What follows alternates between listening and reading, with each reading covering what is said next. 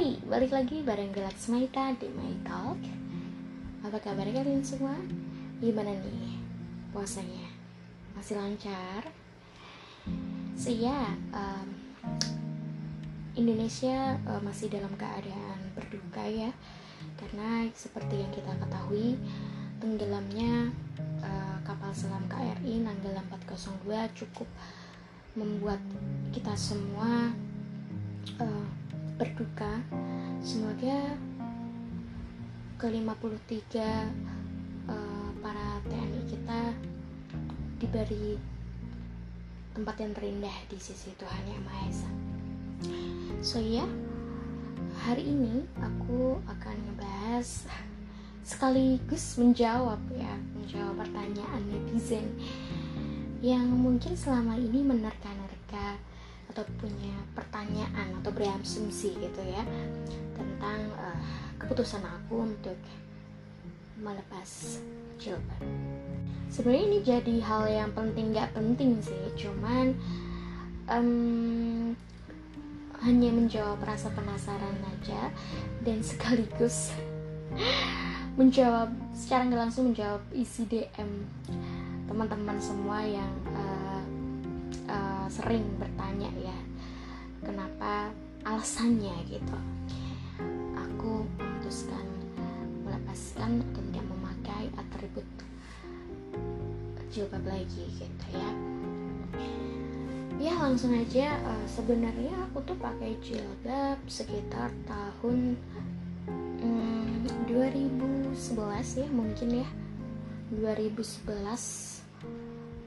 awal ya awal 2011 aku memutuskan pakai jilbab pada waktu itu ya. Uh, tapi waktu itu nggak pir nih nggak pir karena apa ya panggilan atau hidayah seperti yang digadang-gadangkan oleh orang kebanyakan ya. Itu awalnya sih karena uh, uh, dulu dulu waktu itu aku tuh kulit aku hitam gitu ya. Kulit aku hitam dan awal mula niatnya adalah biar nggak kepanasan gitu loh.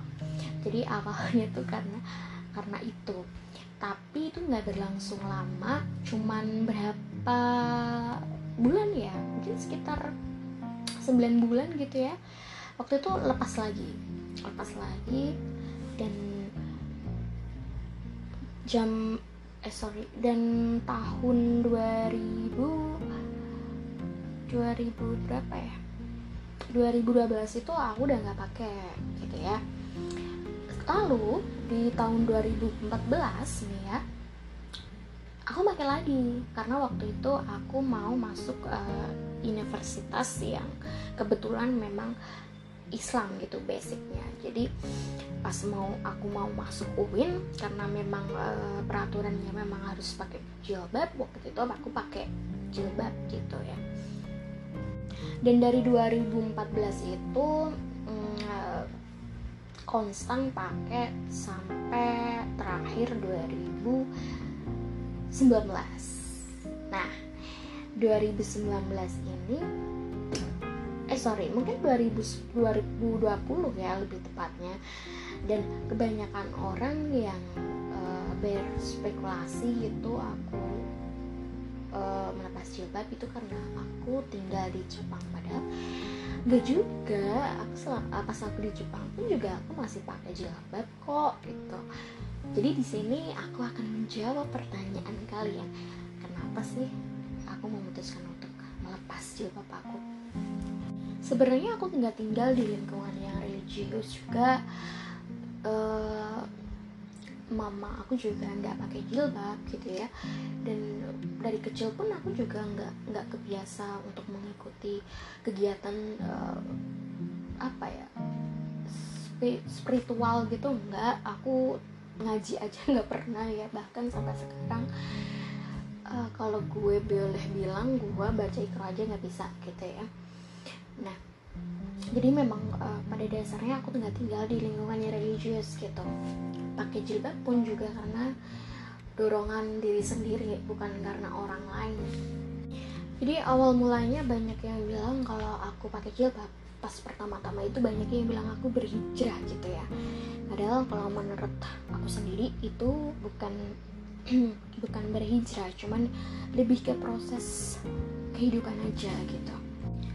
Toh buat gue jilbab itu ya sekedar pakaian gitu ya sekedar atribut yang sebenarnya uh, itu tuh enggak enggak menginterpretasikan bahwasanya lo pakai jilbab terus lo suci terus lo enggak enggak dapat dosa atau apa pun itu gitu. Bahkan uh, menurut gue sendiri gue kadang terbeban dengan atribut ini gitu. Karena uh, dulu dulu uh, gue sering minum gitu gue sering minum gue sering rokok gitu deh dan dan gue merasa kayak ketika gue melakukan itu dengan atribut jilbab yang melekat di badan gue gue ngerasa kayak ah, kok banyak sih tanggapan judgmental gitu.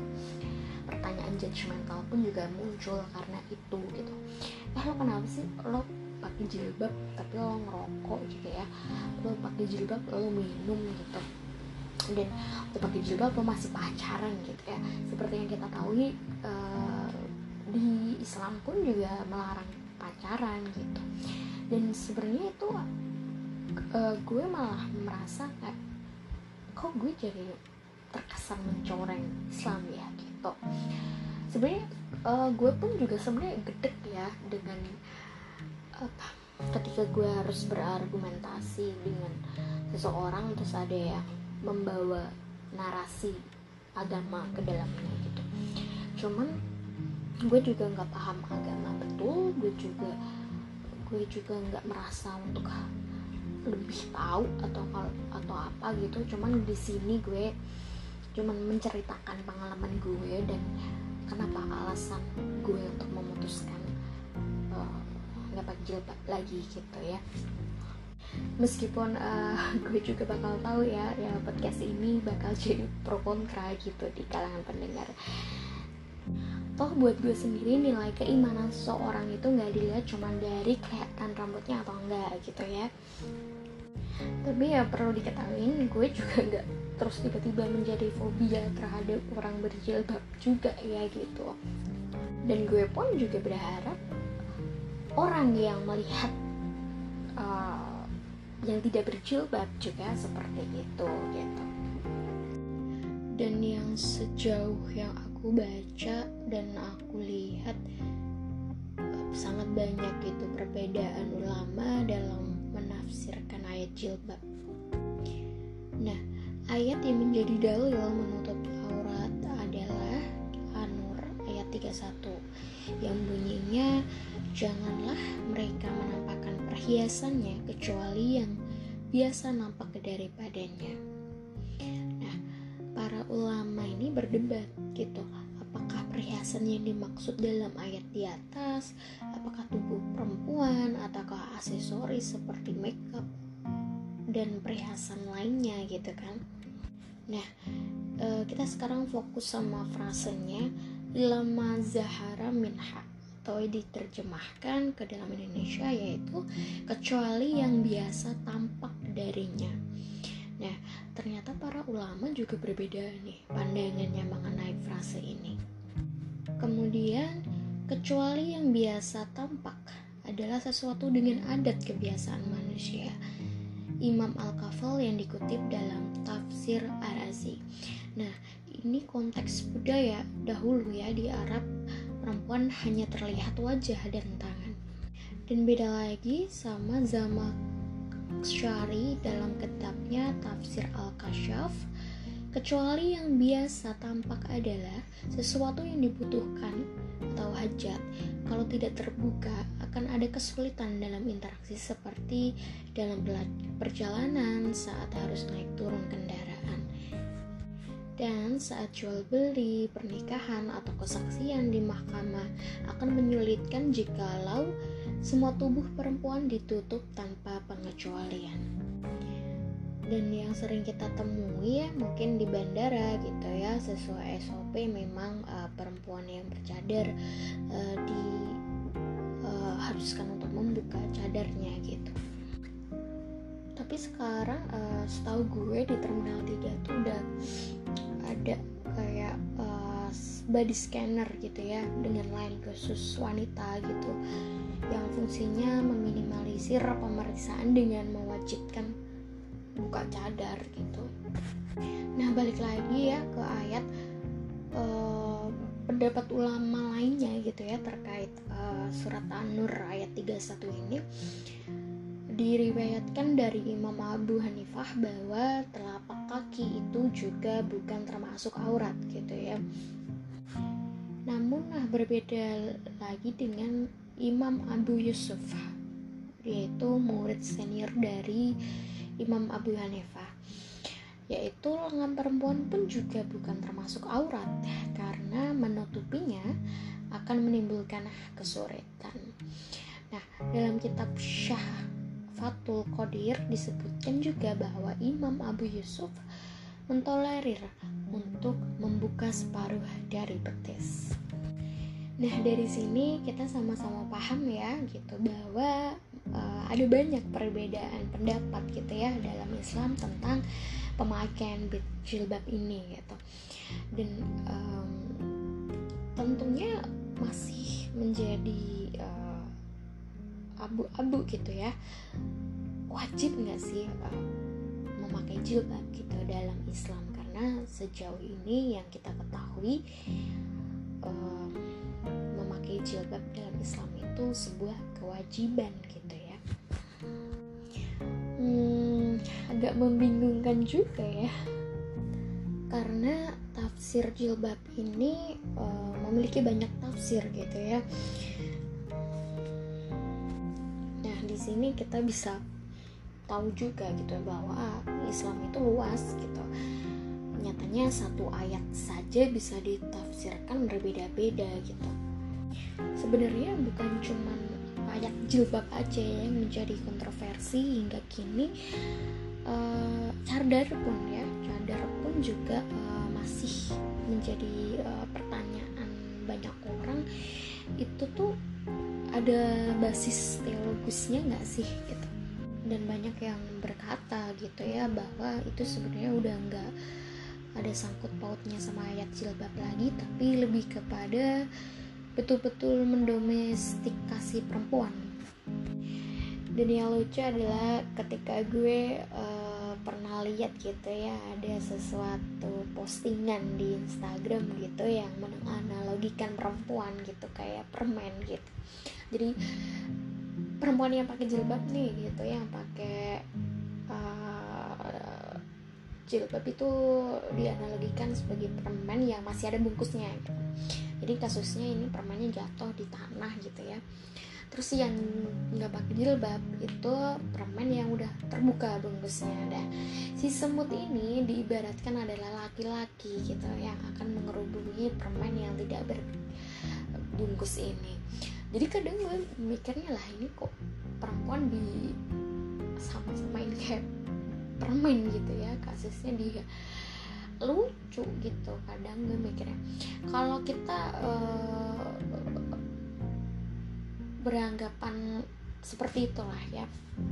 Uh, ya sekarang nggak tahu gitu ya berita berita yang kemarin belum lama ini ada perempuan gitu yang sedang melaksanakan ibadah gitu ya sholat gitu lebih tepatnya di masjid. Dia masih bisa kok uh, mengalami seksual harassment gitu ya pelecehan seksual di tempat ibadah gitu yang notabene di situ orang-orang melakukan aktivitas uh, ritualitas keagamaan gitu. Dia sholat dan waktu itu dia sedang melakukan sujud dan uh, sorry uh, pantatnya itu di remas-remas gitu ya sama laki-laki yang nggak dikenal di situ. Dan itu sempat mencuat gitu rame juga ya uh, beritanya gitu. Tapi gue nggak tahu sih itu laki-laki ini sudah ditangkap atau belum gitu.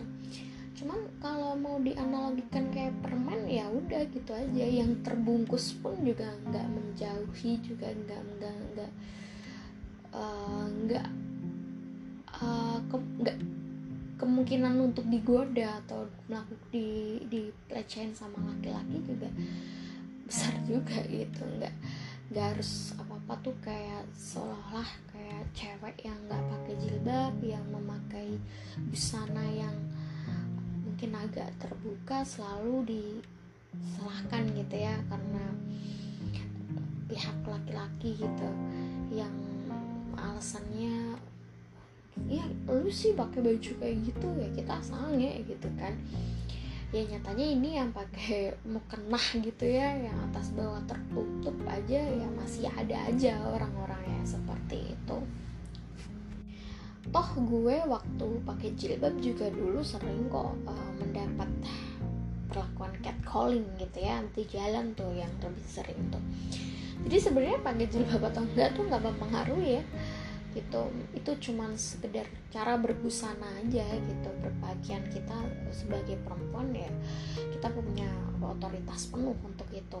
Nah balik lagi ya si laki-lakinya ini yang harus bisa mengontrol diri mereka gitu. Cara dia apa ya uh, melihat gitu merespon segala sesuatu yang dia lihat gitu nggak harus kayak semuanya diselain ke perempuan ya gitu. Toh um, menurut gue gitu ya value seseorang perempuan itu nggak um, cuman dibatas cuman karena dari penampilan gitu ya. Ada yang penampilannya tertutup nih terus dia punya value lebih itu di mata laki-laki itu kan sebenarnya perspektif ya ada orang juga yang mempunyai preferensi sendiri-sendiri gitu untuk kayak selera dia sama orang yang pakai jilbab atau enggak gitu kan. Saya cukup sekian pembahasan gue kali ini tentang ya ngobrol-ngobrol dikit lah tentang kontroversi ayat tentang jilbab ya dan alasan gue kenapa gue memutuskan untuk membuka jilbab gitu biar tidak ada pertanyaan pertanyaan lagi ya dari dari kalian yang sering nanyain gue atau shock gitu yang melihat uh, perubahan gue secara visual mungkin ya. Kok sekarang nggak pakai jilbab gitu daripada nanya mendingan lo dengerin deh podcast gue episode ini. So ya sampai jumpa di hari Kamis. Dan happy fasting buat kalian semua semoga lancar puasanya dan selalu diberi kesehatan. Bye